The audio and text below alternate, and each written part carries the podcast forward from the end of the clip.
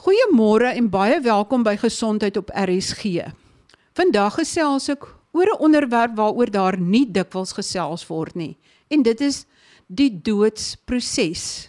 Ons raak almal baie gelukkig as 'n nuwe baba gebore word en ons weet al redelik baie van baba se geboortes af.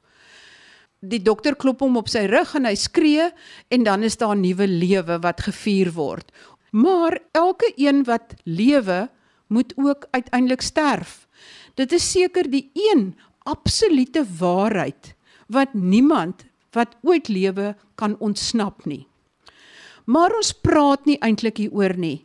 Is die dood net 'n skielike uitblaas van asem of is daar 'n proses wat aan die gebeur is wat jy eintlik dalk dae en weke vooruit kan sien aan die kom is? Ek gesels met dokter Magie Venter. Sy's 'n palliatiewe sorgspesialis op Stellenbosch en sy versorg baie pasiënte in die laaste dae, weke of maande voor hulle sterf. Ons gesels vandag nie oor mense wat skielik sterf in 'n ongeluk nie. Ook nie die wat skielik sterf van 'n hartaanval nie. Die een oomblik nog lewend en aan die gang en die volgende oomblik dood nie. Ons gesels oor mense wat 'n lang kroniese siekte het of kanker het en wat 'n paadjie loop tot hulle sterf. Dokter Venter, is daar 'n proses wat aan die gang is wat mens amper kan begin voorspel wat die verloop gaan wees? Al is dit verskillend by verskillende pasiënte, is daar 'n algemene oorsig wat mens kan gee oor die doodsproses? Môre Ja, daar is daar is so 'n proses en ongeag van die siekte agter hierdie proses, lyk dit vir almal min of meer dieselfde. Daar's definitief tekens wat ons kan lees of dinge wat die persoon ervaar wat beteken dinge is aan die verander en dat hulle die einde van hulle lewe uh, nader. Kan jy vir ons meer vertel van daai proses? Is dit dae voor die tyd? Is dit weke voor die tyd? Wat is daai eerste tekens wat jy optel? Hierdie proses, die tydperk verloop vinniger vir sommige mense as vir ander, maar tipies sou mens sien dat daar veranderinge is in persone se energievlakke. Hulle raak meer moeg, moet meer slaap bedags, onttrek so 'n bietjie uit die wêreld uit. Mense se wêrelde raak kleiner, so eers net nie meer so lus vir uitgaan nie, dan nie meer so lus vir die tuin nie, dan eintlik maar in die voorkamer en die slaapkamer en later net in die bed mense se eetlus verander. So as iemand 'n groot bord kos voor hulle neersit, dan sak hulle moed sommer in hulle skoene. Hulle het net nie lus vir soveel kos nie. En selfs vloeistowwe nader aan die einde raak uh, die inname daarvan raak minder. Ja, ek sê meer gewigsverlies daarmee saam. Daar is maar in die die, die laaste weke na maande die veranderinge wat ons uh, sien plaasvind. Is die persoon bewus daarvan? dat dinge begin afskakel. Ja, ek dink eh uh, die persoon is dikwels meer bewus daarvan as wat die familie is of soms andersom. En daar is definitief 'n bewustheid dat dinge aan die verander is. Meer so as dink ek net ons gewone oud word proses van nog 'n pyn in die oggende as mens wakker word en dinge wat net nie meer werk soos van tevore nie, maar hierdie proses ja, is duidelik vir mense. Dan sê jy die pasiënt verloor sy eetlus. Moet mens nie dan alles probeer doen dat hy moet eet en voedingsstowwe inkry om weer sy kragte te kan herwin nie. Want dit is seker mense natuurlike reaksie as jy sien jou geliefde eet al hoe minder en hy word swakker. Ja, dit is dikwels een van die gesprekke wat ons moet voer met families. Eintlik altyd, want dit is vir baie families is dit ons taal van liefde. Ons gee om, ons sosialiseer rondom kos, boonbehalwe net vir die inname van voeding vir vir die onthaalwe daarvan self. En intuïtief voel ons eet meer, dan gaan jy sterker voel. Dit is egter nie waar nie en dit is iets wat dikwels spanning veroorsaak in 'n gesin. Dit is iets wat ons direk aanspreek met met families. En daar is 'n balans. Vroeër in die proses help dit sekerlik om jou voeding so goed as moontlik te hê en dan dikwels kleiner hoeveelhede meer gereeld te eet. Kalfproteïene is sinvol want dit is hoë kalorie-inhoud. Vir klein volumes, want die volume is dikwels moeilik. Uh, maar later van tyd moet 'n mens maar met die pasiënt se behoeftes gaan. As hy nie wil nie, dan moet 'n mens nie te veel karring nie. Regtig in die laaste weke na dae verkies mense dikwels sagte kosse, koue kosse, koue vrugte en uh ysblokkies soms gegeur met 'n bietjie sap so daai spanning moet 'n mens ehm um, dikwels vir mense sê kan hulle mag laat gaan. Dit is nie so belangrik die voeding nie. Die liggaam gebruik nie meer daai voeding soos wat dit van tevore het nie. Hy het dit net nie nodig nie. Ek verstaan dit help eintlik nie om voedingsbuise in te sit en alles te probeer om voedingsstowwe in die pasiënt te kry nie want die liggaam het reeds begin afskakel en hy kan eintlik nie meer die kos metaboliseer soos voorheen nie. Met ander woorde die kos wat jy gee gaan nie omgesit word tot energie en 'n nuwe lewenslus nie. Is dit korrek ja is 100% korrek en dit is dikwels 'n tamaletjie om te weet wanneer is daai voedingsbuis sinvol en wanneer nie. Daar is goeie plek vir voedingsbuise byvoorbeeld in 'n pasiënt met 'n groot uh, beroerte waar mens dink die kans op herstel is redelik goed. Daar sou dit sinvol wees om iemand se voedingsstatus te ondersteun in die proses van herstel.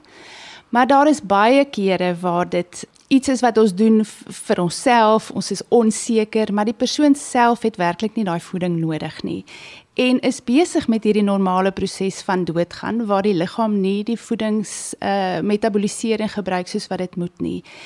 En dan is daar eintlik skade soms aan so 'n voedingsbuis. Dis ongemaklik om in te sit. Die persoon het nie die voordeel van die kos proe nie. Soms as die voeding te veel is, dan veroorsaak dit sekresies in die longe of naarheid, ongemak.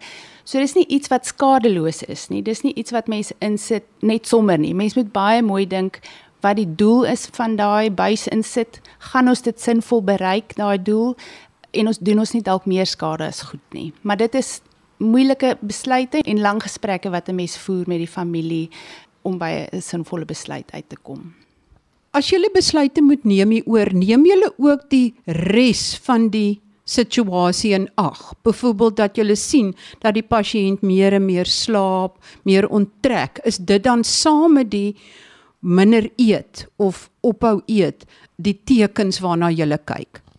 Ja, so ons neem in ag die onderliggende siekteproses wat ons verwag die uitkoms gaan wees en waar die persoon op hulle reis is met daai siekte en of daar ander tekens is wat vir ons aandui dat die persoon besig is om die laaste tyd van hulle lewe binne te gaan. Soos jy nou sê, meer slaap, meer onttrek, was daar 'n klomp uh, onlangse hospitalisasies, verloor die persoon regtig baie gewig, is sluk 'n probleem. So al daai tekens is vir ons 'n aanduiding dat dinge aan die verander is en dat die proses uh, van doodgaan aan die gang is.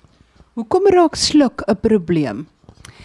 Dit is maar deel van die brein se funksionering wat aangetast word uh, deur die proses van veroudering en van doodgaan in 'n pasiënt wat byvoorbeeld uh, demensie het, is sluk uh, besware en en stik een van die laattekens van demensie. En dis dikwels een van die plekke waar daar die, kwessie rondom uh, voedingsbuise dikwels opkom. Maak dit sin om vir iemand met gevorderde demensie 'n buis in te sit? Een van die argumente is dat jy voorkom dan die stik want 'n stik Eh, beteken dikwels dat daai voeding in 'n mens se longe gaan sit wat dan uh longinfeksies en inflammasie in die longe beteken. Maar die aanduidings is dat daai buis dit nie keer nie. So weer eens dikwels meer kwaad is goed en mens moet baie mooi dink voor mens die buis insit. Kan dit wees dat as iemand baie ouer is dat hy verswak en dat as hy dan baie keer moeiliker sluk en verstik dat dit eintlik 'n teken is waaraan mens aandag moet gee. As jy weet daar's nie noodwendig iets in die keel fout nie. Ja, as daar nie 'n ander probleem is wat die wat die probleem veroorsaak nie, is dit een van die tekens en dan dikwels pas 'n mens die voeding aan.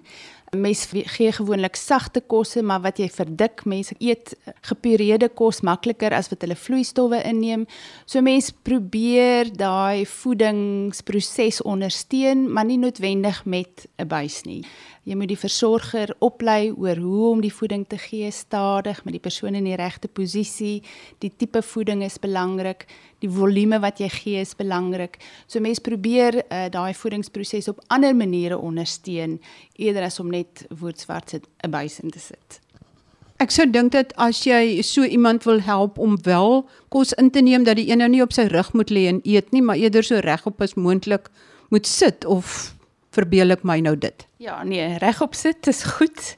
Ehm um, dis maar selfs goed vir enigiemand dink ek. Ja, en dan klein volumes en stadig. Mense het geduld nodig om iemand te voer wat ehm um, wat sukkel om te sluk so stadig, min volume op 'n keer en dit verander ook oor tyd. So mense begin miskien op een manier en dan soos tyd aanstap moet 'n mens weer aanpassings maak.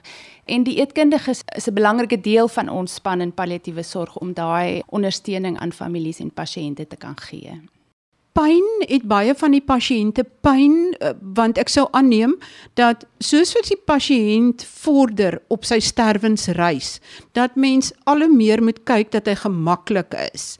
Met ander woorde nie pyn het nie en gemaklik is maar is pyn 'n groot faktor Pyn is nie 'n simptoom van die doodgaan proses nie. Pyn is daar as gevolg van die onderliggende siekte. So of dit nou 'n kanker is wat eh, mense skelet infiltreer of letsels in die longe het, Dit is wat die pyn veroorsaak, nie die doodgaan proses per se nie. En pyn is werklik iets wat ons goed kan behandel. Mens moet daaraan aandag gee en dit aktief bestuur, maar werklik waar iets wat 'n mens uh, goed onder beheer kan hou. En belangrik want dit het so groot impak op die persoon se se elke dag se lewenskwaliteit, maar hulle emosionele, spirituele ervaring van wat aan die gang is en dit het maar 'n ripple effek op die res van die gesin as hulle sien iemand is in pyn veroorsaak dit by hulle ook lyding. So dit is iets waar ons baie groot fokus op lê. Ek gesels vandag met dokter Magie Venter, palliatiewe sorgspesialis op Stellenbosch, en ons gesels oor 'n baie heilige onderwerp. En dit is die dood. En die laaste dae, weke of selfs maand voor die dood. Wat is daardie fases? Hoe lyk dit? Kan mens dit herken en hoe moet mens optree? Want net deur iets beter te verstaan en te weet wat aangaan, kan jy dalk beter optree om dit vir jou geliefde wat sterf ook makliker te maak. Nou, ek weet nie of dit blote mite is nie, maar van die video's wat ek gesien het van 'n hospiesverpleegkundige sê dat sy het ondervind dat sê maar 'n persentasie 'n derde of miskien minder pasiënte so maand voordat hulle begin agteruit gaan bekendes, miskien 'n ma of 'n pa of 'n broer of 'n suster of iemand wat baie geliefd was amper mee kontak wil maak of vra of daai een nie naby is nie. Is dit net 'n mite of kom julle ook so iets agter Ja, dit is nie 'n mite nie. Ek het nie 'n verduideliking daarvoor nie en dit is deel van die misterie van hierdie proses vir my. Maar dit is sodat die mense in die laaste weke praat van mense uit die verlede selfs wanneer hulle in hierdie halfwakker staat is dat dit lyk asof hulle mm, persone sien wat in die kamer is of uitreik na mense of praat van, jy weet ek moet my tasse pak praat van op 'n reis gaan. Ehm um, en dit is dikwels wanneer hulle dan in daai half wakker, half uh komateuse staat is. Maar nie noodwendig of selde iets wat uh, angstigheid of vrees by hulle opwek. Dit is nie 'n uh, mens kom nie agter dat dit mense pla nie. Dit is maar baie dikwels sien ons dit en duidelik deel van hierdie misterieuse proses. As die pasiënt so al hoe meer slaap. Mens kan dit seker 'n koma noem. Maar kan hulle nog as jy met hulle praat en selfs asof dit lyk of hulle slaap, kan hulle dalk nog hoor wat jy sê of weet dat daar iemand by hulle is? Of sal mens nooit kan vasstel of dit wel so is nie? Ek weet nie of mense dit verseker weet nie, maar mense het tog so 'n intuïtiewe gevoel dat persone wel rustiger raak as daar iemand by die in die vertrek is by hulle wat hulle goed ken en wat hulle aanraak of sagte rustige musiek speel. So ek dink selfs in daai komateese staat, ja, is daar 'n vlak van bewustheid eers um, wat 'n mens nie moet ignoreer nie. Dan praat hulle en ek weet nie hoe medies korrek dit is nie van die aktiewe doods fase, sê maar die laaste week of die laaste paar dae voor dit die een sterf, dat daar amper soos 'n roggel geluid is, dat die een nog meer slaap en ek weet nie of daar nog ander verskille kom wat mens kan optel nie. Maar wat is dit wat daai geluid veroorsaak en is dit almal wat dit kry of is dit net in 'n kleiner groep mense? Die roggelgeluid is gewoonlik in die laaste paar dae na ure van lewe en dit is maar omdat daai slukproses nie meer gebeur nie. Die liggaam kry nie meer daai boodskap dat daar agter in die keel speeksel lê wat wat gesluk moet word nê en dan as mense asemhaal deur daai uh, vloeistof agter in die keel dan borrel dit en dit klink soos 'n roggelende geluid dan. So dit is nie iets wat vir die persoon self ongemak veroorsaak nie, maar vir die wat om die bed staan klink dit nie lekker nie. So ons gee gewoonlik iets om te kyk of ons daai sekresies bietjie kan opdroog net om dit gemakliker te laat klink, maar dit veroorsaak nie ongemak by mense nie en dis iets wat ons redelik gereeld sien en is een van die latere tekens dat ons nou in daai aktiewe doodsproses is. Maar mens sal nou nie daar probeer om daai speeksel of slijmerigheid uit te suig of so nie. Suig help dikwels nie regtig nie en veroorsaak jy krap daar agter in die keel veroorsaak ongemak. Dikwels help dit om iemand se posisie 'n bietjie te verander, op die sy te draai of bietjie hoër op te lig, soms om die voet en end van die bed uh, op te lig dit is van die goed wat mens kan doen wat nou nie maar suig help dikwels nie werklik nie en veroorsaak net onrustigheid en ongemak. Wat is die ander tekens van hierdie heel laaste paar dae of ure van iemand wat besig is om dood te gaan? Dat daai komatese staat baie langer rek met regtig baie kort periodes indien enige tyd van wakker wees ehm um, geen inname van kos nie, minimale inname van vloeistowwe en en ons verduidelik gewoonlik dan die ongemak lê in 'n droë mond, nie in dis nie dors per se nie. Ehm um, so dis belangrik dat 'n mens die mond mooi skoon en klam hou, lippies om die lippe smeer, dit is waar die ongemak lê. Maar ons hoef nie op daai stadium vloeistof per se in te kry om iemand gehidreerd te hou nie. Die ander goed is 'n verandering in 'n mens se asemhalingspatroon. So dikwels vlak en vinnig of lang stadige asemhalings met met pauses tussenin waar jy dink o gats. dit was nou die laaste en dan kom daar nog 'n groot diep teug en dit kan 'n mens ook in die laaste paar dae van lewe uh beleef. Koue ekstremiteite soos wat die sirkulasie afsluit. 'n Mens se urine uh uitskeiding raak baie min, so urine raak donker. En dan kan 'n mens ook 'n asidotiese, ons noem dit asidotiese reuk aan die persoon se asemhaling ruik, so half 'n 'n suurerige reuk uh, wat 'n teken is van dehydrasie. Maar weer eens, dis alles normale deel van die doodgaan proses. Ons gaan nie deur dan 'n drip op te sit en vog te gee daai proses een kant toe of ander kant toe kan beïnvloed nie. Dit inteendeel veroorsaak weer skade as mens te veel vog aan boord het in die liggaam kan dit nie meer uitskei soos van tevore nie. Dan gaan sit daai vog in die longe en veroorsaak kort asemheid van nie te veel vog in die longe. So net regtig op daai stadium sorg dat mense nie ongemaklik is nie. Goeie mondsorg en goeie algemene verpleegsorg. Draai die persoon gereeld. Ehm um, sorg dat hulle skoon en droog is, die soort van ding. Sal die persoon se mond begin hang? En is daar enige verandering in sy oë sal die persoon nog maklik vir jou kyk? Kan jy nog sien? Dit wissel. Soms as mense oë oopmaak en 'n bietjie kommunikeer, is dit nie helder helder fokus of helder kommunikasie nie. En dan is daar tog ook oomblikke waar iemand sê, "Sjoe, my maat vir my nou gekyk." Soos wat sy altyd het en vir my iets gesê en dan verdwyn dit weer. So dit wissel maar. Die mond oop hang, uh ja, as mense regtig diep daai komitee se staat is dan eh, ontspan al die spiere en kan die mond oop hang terwyl die persoon asemhaal. Dit is so ja. Is die pasiënte gewoonlik rusteloos of rustig of kry hulle tye van baie rusteloosheid en wat moet mens dan doen? Ja, soms is rusteloosheid 'n probleem aan die einde En 'n mens gaan mooi moet kyk hoekom daai persoon rusteloos is. Soms is daar ongemak soos 'n vol blaas of 'n vol darm wat wat daai ongemak veroorsaak. Soms is daar verandering gewees in die medikasie wat wat dit kan veroorsaak. So mens moet mooi kyk daarna. Maar soms is daai laaste tyd van lewe regtig net rusteloos. Die persoon kry nie eh, rus nie. En dit is uitputtend vir die ouens wat hom uh, of haar moet versorg.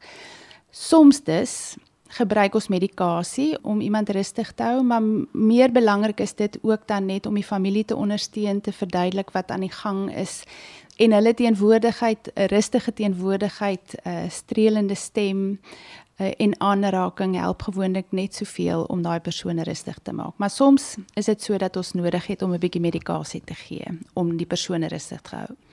Is dit in die meeste gevalle so? Ek sou sê seker in omtrent die helfte van die gevalle is daar 'n periode van van 'n bietjie rusteloosheid. Ons noem dit terminale rusteloosheid. Ook dan wanneer mense hulle hande op, soms is dit net rusteloos, maar dit is nie ontstellend nie. Dis nie ontstellend vir die persoon nie. Hulle is nie geagiteerd of bang nie. Dan staan ons gewoonlik bietjie terug en ondersteun die familie net. Maar as ons agterkom daar's regtig dis regtig agitasie wat vir die persoon ook nie goed lyk nie, dan sal ons 'n bietjie medikasie bygee, net om daai rustigheid vir almal te gee. Dan het ek al baie gehoor van dat mense sê daar was 'n opflikkering kort voor die een gesterf het. Is dit so en het julle enige idee wat dit beteken of hoekom dit gebeur en wat moet die familie doen as dit gebeur? So die opflikkering sien ons verseker. Dikwels in retrospek besef mens dit was 'n opflikkering. En as dit gebeur, moet 'n mens dit geniet vir wat dit is. Ek dink soms die moeilikheid van hierdie hele proses vir families is die onsekerheid. Hoe lank gaan dit vat? En dan word mens wakker en dan is daai 'n goeie dag. Die persoon is 'n bietjie wakkerder, eet 'n bietjie meer en dan dink mense, "O, oh, wat is nou hier aan die gang?" En dan die volgende dag is weer 'n is baie meer slaperige dag wanneer hulle niks eet nie. So daai op en af, op en af is vermoeiend vir families en is dit soms weke aangaan. Dink ek voel mense, "Ag, wanneer kry dit nou einde?" En dan daarmee saam die skuldgevoel. So dis harde werk om so vir iemand te sorg en ek onthou iemand het vir my eendag gesê, "Kyk, as hierdie persoon nou 70 jaar lank op die aarde was, kan jy nie verwag dat hy hom gaan verlaat net so nie. Dit vat sy tyd." En dit was vir my nogal waardevol geweest. Iemand het ook een keer gesê mense se oë breek. Hulle kon sien in die oë dat die pasiënt aan die sterf is, dat die tyd naby is. Maak dit enigsins sin of ek sou veronderstel dit beteken wanneer daai persoon net nie meer fokus nie. Die oë is dalk oop, maar daar's geen fokus of um, erkenning van wat om hulle aangaan nie. En hierdie laaste wat hulle nou noem, ek weet nie of dit medies gesproke die regte woord is, hierdie aktiewe sterwensfase. Duur dit gewoonlik darm net dae of kan dit nog langer aanhou? Die aktiewe sterwensfase ehm um, gewoonlik dae. Mense nou vra die hoe lank vraag, dan sien ons gewoonlik as mense se agteruitgang in weke gemeet kan word, dan is die tyd wat oor is gewoonlik weke. As ons sien daai agteruitgang is baie vinniger en mens sien elke dag 'n verandering, dan is die tyd wat oor is waarskynlik dae en dieselfde met ure. Jy pas dit in by sy eie grafiek van agteruitgang. Ja, en daar's dikwels dan ook die vraag van moet my familie van Australië kom, wanneer moet hulle kom? Daai kompleksiteit rondom wanneer en hoe lank is is moeilik en ek dink uh, dikwels raai ons verkeerd ten spyte van al die ervaring wat ons het. So ek wil graag vir mense net sê, ek weet, dit is onseker, sit maar daarin. Dit gaan op 'n stadium einde kry. En dis kosbare tyd, dis bittersoet tyd. Ehm um, en is selde dat 'n mens vir die wêreld kan sê ek is nou op 'n ander plek besig, los my uit, ek is nou hier by my familielid. As dit moontlik is, moet 'n mens daai tyd goed benut. En soos jy sê, heel waarskynlik is die pasiënt dat selfs as hy slaap of komatoos is, steeds bewus van die omgewing en dat daar familie en vriende om hom is. Ja, en ek dink dit is hoekom hierdie navorsing wys dat as mense gevra word waar wil hulle hulle laaste dae en ure spandeer, dan is dit by die huis, seker vir 80% van mense. So ek het al mense gehad, weet wat ons begelei deur die proses en dan sê hulle maar op, op watter punt moet ons nou hospitaal toe gaan? En dit is nie iets wat in die hospitaal hoef te gebeur nie. Meeste simptome sal ons altyd met goeie 'n goeie palliatiewe sorgspan by die huis sal kan uh, hanteer. Dus so hierdie behoort 'n proses van die huis te wees. Dit behoort nie in die hospitaal te hoef te gebeur nie. Baie dankie aan my gas, Dr. Magie Venter, palliatiewe sorgspesialis op Stellenbosch wat vir ons meer lig gewerp het op hierdie heilige onderwerp van jou laaste paar dae of weke van jou lewensreis. Volgende week sluit ons hierdie gesprek af want daar is nog aspekte wat ons met die luisteraars wil deel. Tot volgende week dan. Baie groete van my, Marie Hudson.